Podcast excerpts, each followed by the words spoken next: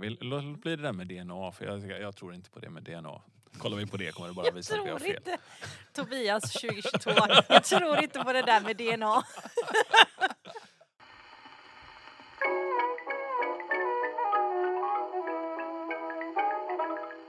God dag allmänheten! Ni lyssnar på Bibblan svarar, en podcast som görs av biblioteken i Uddevalla i samarbete med den nationella svarstjänsten Bibblan svarar. Här kommer vi att komma med lite mer ingående svar på de frågor om allt möjligt som ställs av er alla på bibblansvarar.se eller direkt till oss på bibblansvararpodden.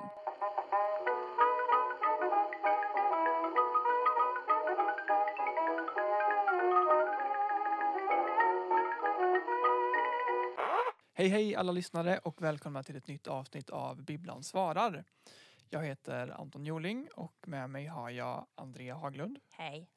Vad ska du prata om Andrea? Jag ska prata om shetlandsponnyer. Shetlandsponnyer. Ja. Åh, vad gulligt. Mm.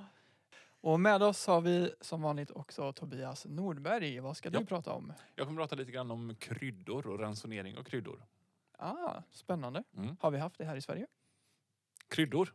Ja, vi har det nu. Aha, det är bara jag så dåligt på att använda det i min Mm. matlagning. Okej. Ja. Nej, jag tänkte på ransonering. Ja, det har vi faktiskt haft, men det kommer vi prata lite mer om. Härligt. Nej men då är det väl bara dags att köra igång. Jajamän.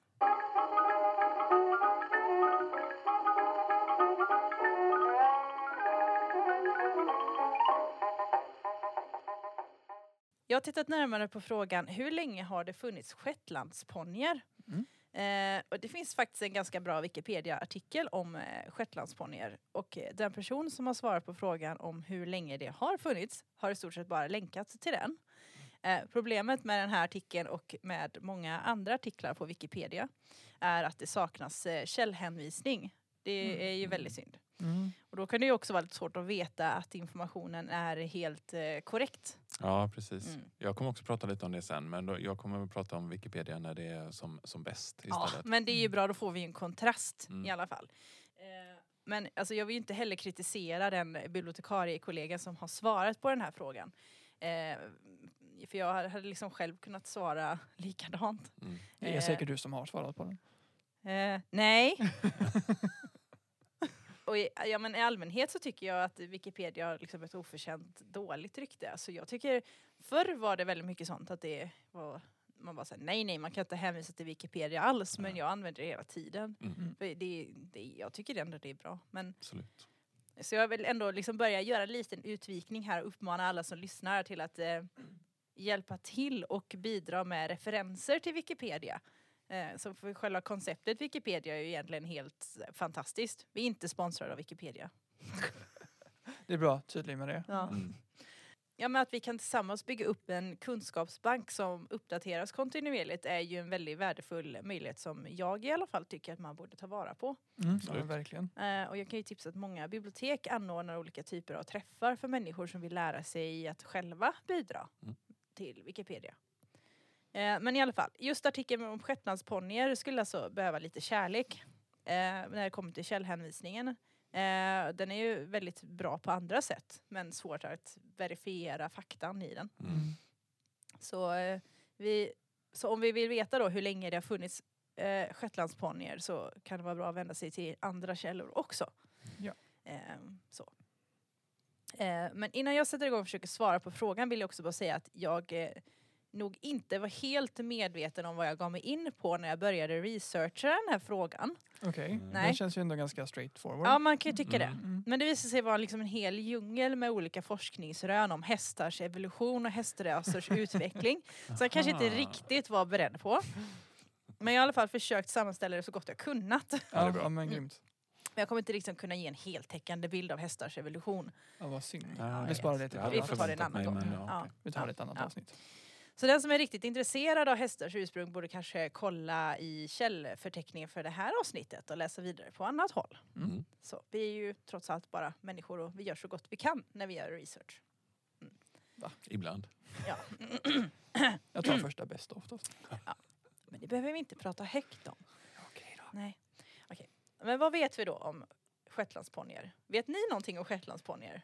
Att det är små hästar? Ja, det var min första också. De Ja. är små. Ja. Jag tänker eh, att de kanske är lite lika islandshästar. Men det är Mm. bara för att jag också tänker mig att islandshästar är små.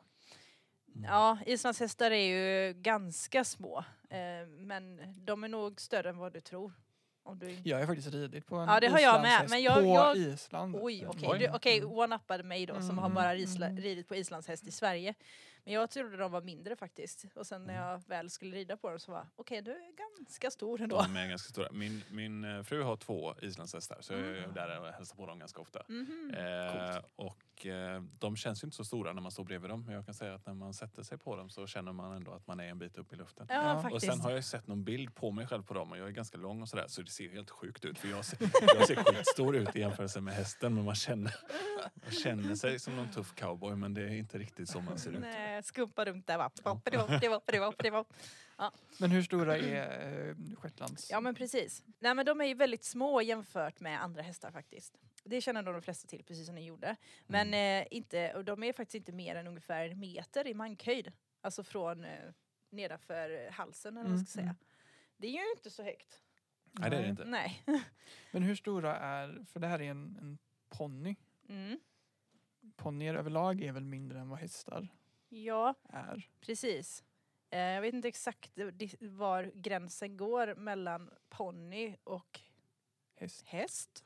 Nej, för jag tror inte det är någon sån ren storleksgrej. För jag är ganska säker, jag har läst det någonstans, att islandshästar just som vi pratade om, de är egentligen så pass små att de skulle kunna klassas som en ponny. Men de är liksom av tradition så, så ser man dem inte som en ponny utan som en häst. Men är det, är det bara en benämning som vi människor har hittat på?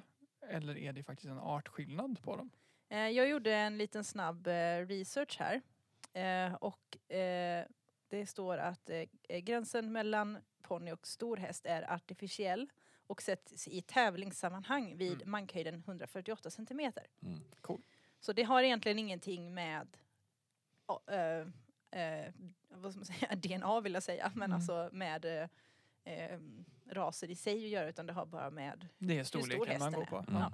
Skälet till varför de är små har att göra med att eh, eh, det möjliggjorde för hästarna att överleva på det ganska ogästvänliga klimatet på eh, Shetlandsöarna. Mm. För där är det, liksom, det har liksom gynnat ett urval av hästar som är små men motståndskraftiga.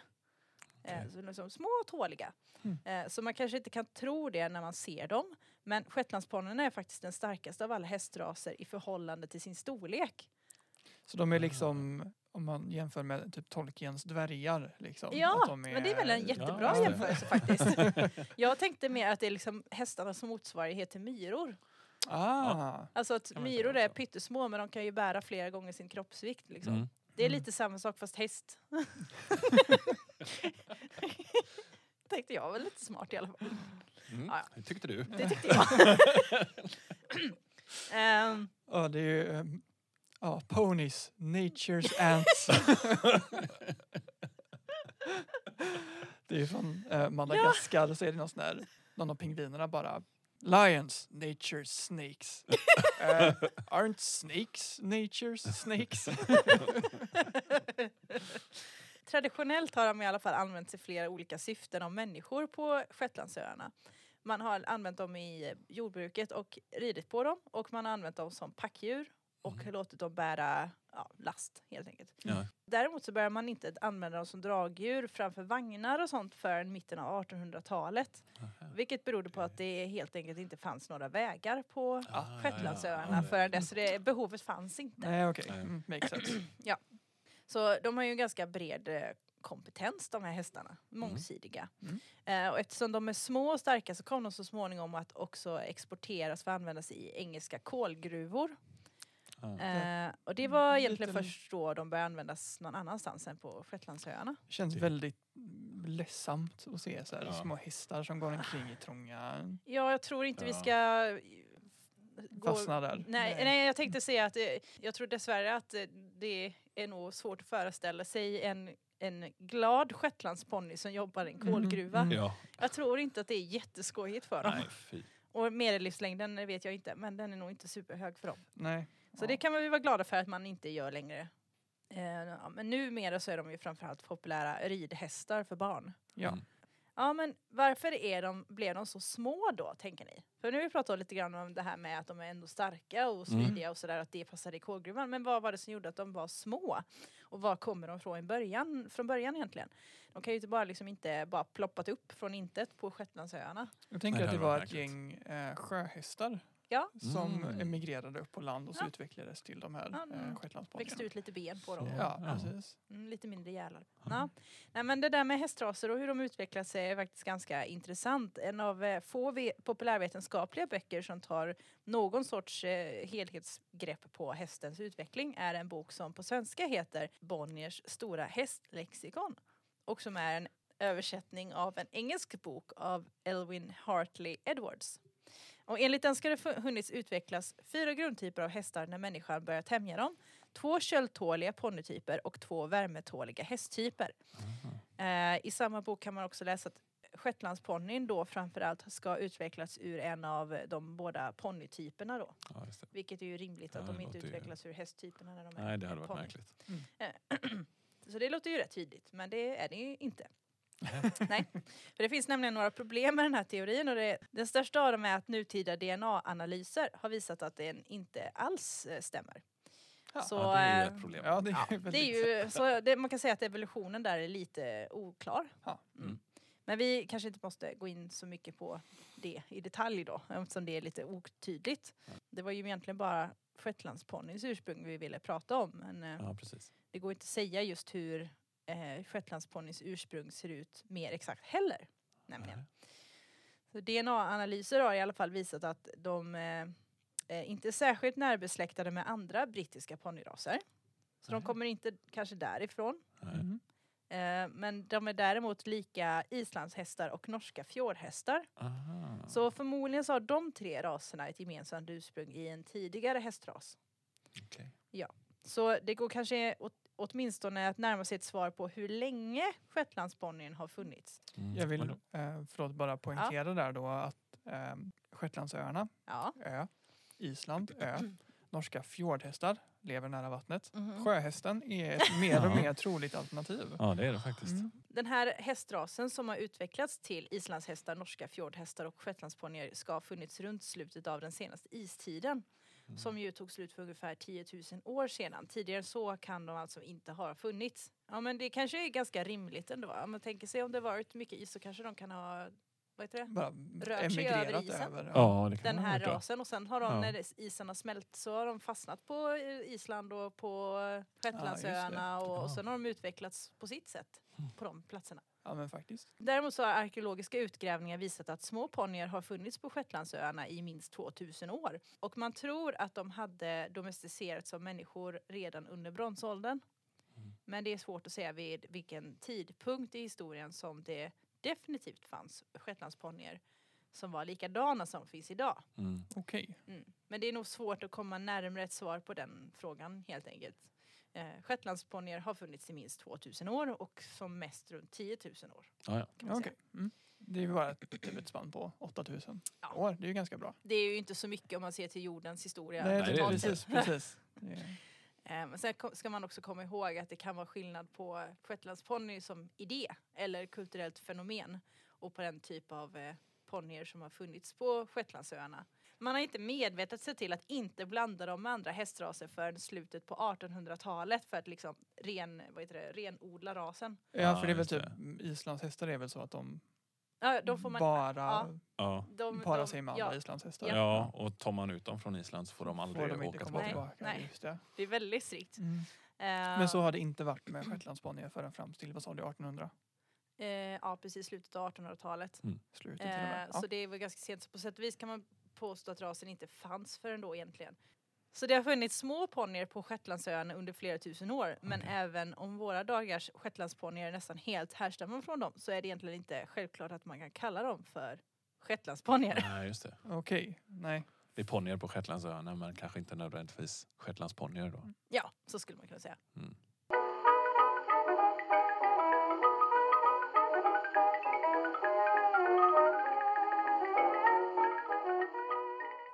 Jag har tittat lite närmare på en fråga som lyder så här. Eh, läser gamla släktbrev skrivna under andra världskriget. Ibland nämns kryddkuponger. Mm. Vilka kryddor var det som var ransonerade? Mm.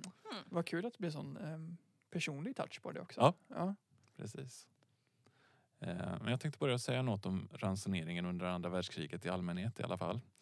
Och nu kommer jag in lite på det här som vi pratade om tidigare med, med Wikipedia då. För jag tänkte eh, bara göra lite reklam för hur bra det kan vara när det är som bäst. För just om ransoneringen i Sverige under andra världskriget finns det en väldigt fin Wikipedia-artikel som innehåller ganska mycket relevant information i sig själv och som också har väldigt tydliga sådana här källhänvisningar Mm. och hänvisar till flera utredningar och avhandlingar och sånt.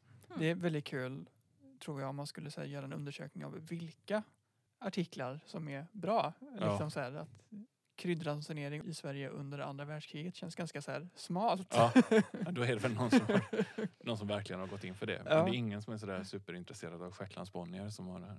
Nej precis. Det är viktigare med kryddor än ponnyer. Ja. Men eh, en av källorna som den här Wikipedia-artikeln nämner i sin tur är rapporten Kristidspolitik och kristidshushållning i Sverige under och efter andra världskriget Mm. av Karl Åmark från 1952. Det är Mm. SOU 1952 kolon 49 för den som är intresserad av det. Om man vill eh, Oj, så det är en statlig utredning? Ja. Jaha. Och den finns faktiskt digitaliserad och fritt tillgänglig så jag kikat lite i den. Nu ligger den här rapporten i sin helhet på mer än 1200 sidor och även om det Oj. kan vara lite intressant då med kryddransonering förstås så kände jag inte att jag ville läsa den från början till slut. Kunde man Mm. trycka kontroll, Ja, det kunde man. Gött. alltså kontroll F, det är goda grejer. ja, det är bra grejer. Ja. Så jag tittade lite på dem och letade upp de delar som kändes mest relevanta sett till den här frågan. Ransoneringen infördes i Sverige eftersom andra världskriget hade gjort att det fanns brist på väldigt många viktiga importvaror. Så det berodde inte på att det inte fanns några sådana varor att få tag på någonstans i världen utan om att landets handelsmöjligheter försämrades ganska mycket under eh, kriget. Mm. Och hela ransoneringssystemet det handlade om att fördela landets livsmedelstillgångar kan man säga till befolkningen utifrån individers behov. Sådär. Mm. Så att det fanns liksom vissa skillnader i hur mycket man hade möjlighet att köpa baserat på bland annat ålder och yrke.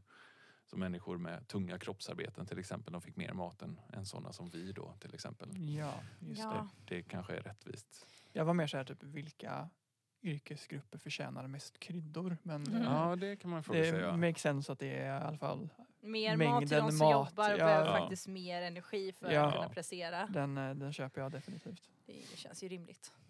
Och när jag hade kollat igenom en del av den här utredningen som jag nämnde här då, kristidspolitik och kristidshushållning i Sverige under och efter andra världskriget.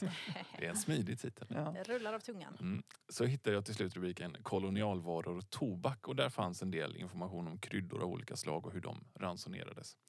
En lite rolig grej som man kan skjuta in är att mer än hälften av avsnittet om kolonialvaror och tobak handlar om kaffe. Ja. Det, Ja, men det, är ju, det, det känner jag, alltså det är ju det jag känner att jag har hört mest Ja. om.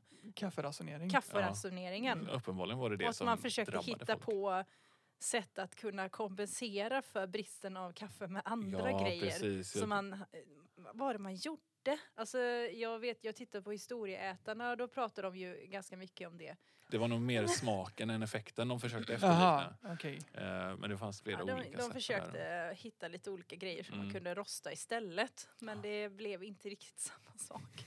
Nej, men det här tyder väl kanske på att det var den ransoneringen som påverkade folk mest och det kan man ju förstå. Så hade det nog varit för mig också. Mm. Mm. Eh, tobak skulle kanske också vara lite besvärligt för mig till en början men det skulle jag nog framförallt kunna se som en anledning att sluta snusa kanske. Mm. Eh, kaffet skulle vara betydligt svårare.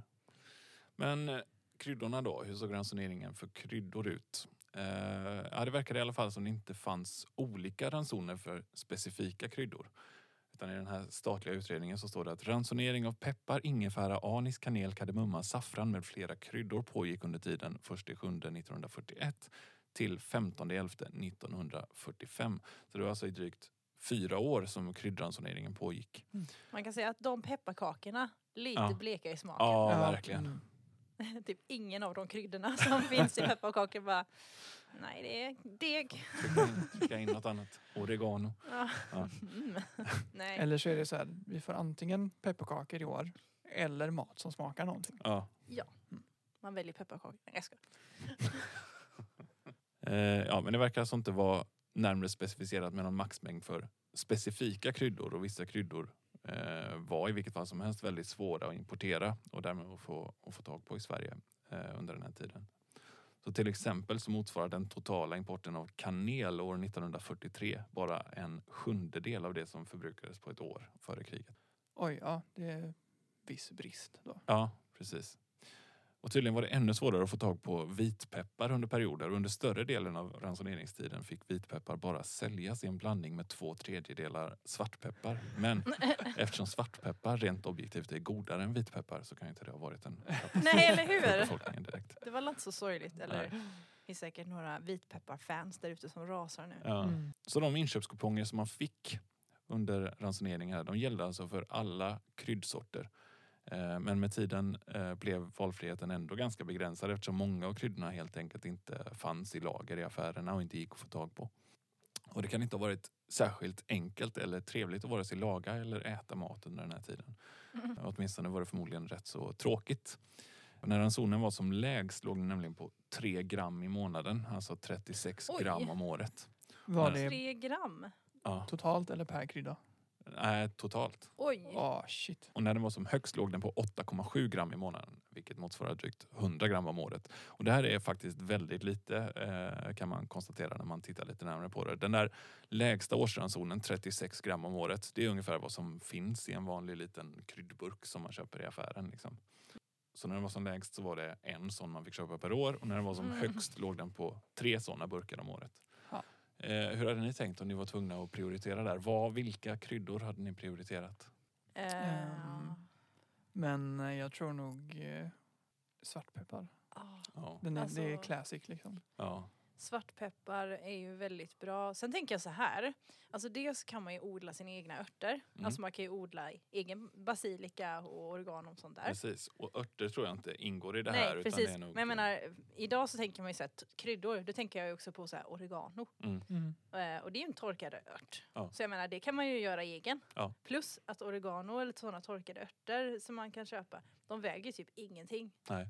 Så där får du ju mycket för pengarna. Ah, smart. Men jag hade, om vi tittar på liksom de kryddorna man tänker sig att man använder då, vilket nog Mm. inte var så mycket torkad oregano utan kanske mera nejlika Mm. och jag vet inte, kryddpeppar och sånt. Mm. Ingefära, anis, Ingefära. kanel, kardemumma. Ja, som exakt. nämndes. Ja. Ja, kanel är ju rätt bra också. Ja. Mm. Fast det är ju så här, det är ju väldigt begränsat.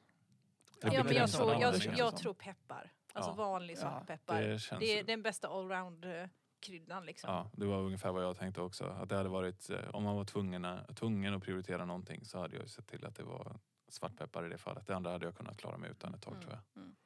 Har du någon statistik på hur mycket, hur många gram kryddor vi äter nu? Nej liksom? det har jag inte. Jag kan ju bara utgå från ungefär vad som går åt hemma hos mig. Jag menar, det går ju Ja, åt. en, en en, en burk hade ju inte räckt. Nej, längre. det hade inte räckt länge. Jag Eh, har suttit och ser framför mig någon förälder som sitter så här, nu ska, kan jag få ta lite peppar på? Ja, ja okej, ja lite får du ta. Och så sitter man och övervakar barnen så bara, du, stopp, nu räcker det. Och Man tar så här och trycker på ett pepparkorn och så ja. ringlar ner det.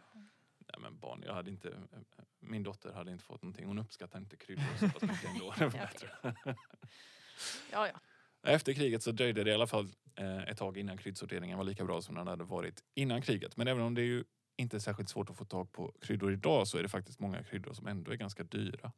Det tänker man kanske inte på eftersom man oftast inte köper så mycket i taget. Jag kollade på en liten lista över de dyraste kryddorna i alla fall och hade en tanke om att fråga er vilka ni trodde låg på topp tre. Men det tänker jag faktiskt inte göra. För Ja. ettan var nämligen för lätt för det var saffran. Ja. Som väl de flesta vet är Mm. väldigt dyrt. Och tvåan var för svår för det var vanilj som man kanske inte tänker på som en krydda. Så. Fast det är ändå så här, ja, nej, ja, det tänker man ju inte riktigt på som en krydda. Det hade nog man, det, det, det, när, man, när man hör det så förstår man ju såklart Ja. att det är det. Mm. Ja, Men, men man tänker inte på det för det står inte i kryddhyllan utan det står i ja bakgången. precis. liksom, I mataffären. precis. Men ja, men vanilj är jättedyrt. Ja, det är det. Vaniljstång. Men jag kan ju åtminstone fråga er då vad ni tror kommer på tredje plats. Ja, det är ju någon Mm. Alltså jag eh, funderar lite på Ingefära. ingefära. Ja.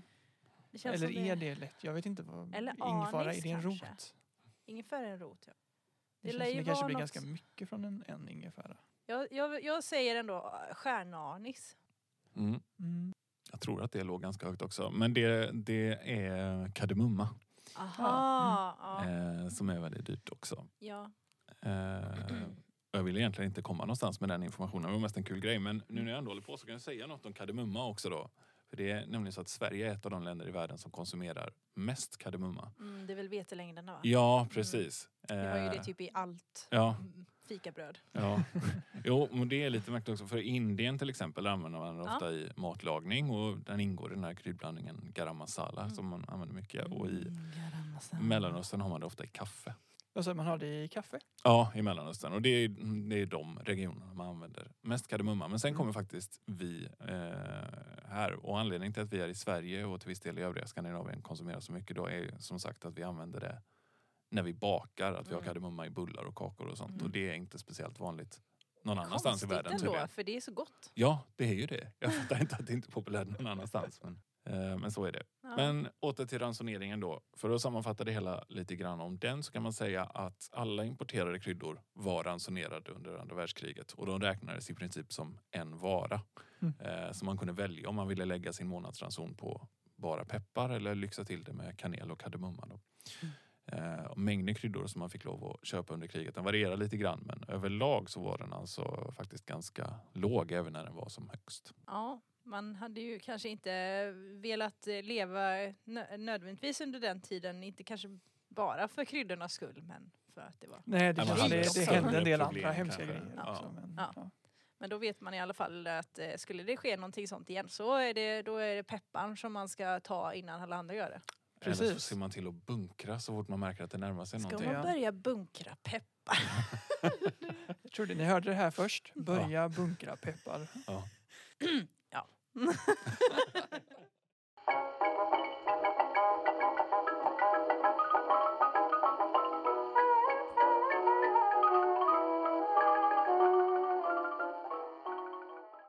Och det var dagens avsnitt. Eh, vad kan vi säga att vi har lärt oss idag, Andrea? Jo men eh, vi har lärt oss att eh, eh shetlandsponnyer är eh, släkt med eh, nordnorska hästar och islandshästar. Och kanske sjöhästar. Kanske sjöhästar, vi lämnar den frågan öppen. Ja. Bland annat har vi lärt oss det. Mm. Eh, Tobias, har vi lärt oss någonting mer? Ja, vi har lärt oss lite grann om eh, kryddor också och ransoneringen under andra världskriget. Där. Bland annat då att kanel är kryddhyllans motsvarighet till kardemumma. Japp. Ja, härligt. Eh, och eh, det här avsnittet var ju faktiskt, eh, eller är det sista avsnittet för säsongen. Ja. det. är det. Så tack så jättemycket för att ni har eh, lyssnat på oss och Mm. hoppas att ni har lärt er Massa grejer. massa grejer. Ja. Eh, och ehm, det kan vara så att eh, vi släpper en liten sommarspecial här. Ja, Jag tror det blir så. Det kan Mm. nog bli så ja. Mm. Vi får hålla utkik i våra sociala medier så ser ni ifall det dyker upp något där. Precis. Eh, och annars så, ja då är vi tillbaka igen eh, till, till hösten. Till hösten. Ja. Ja. Och om man har någon återkoppling till oss så man, får man förstås gärna kontakta oss också. Eller om man har en fråga så kan man ställa den direkt till oss så kanske vi kan ta upp den till hösten också. Ja. Mm, det hade varit jättekul. Hur, eh, hur ger man oss återkoppling då? Hur kommer man i kontakt med oss?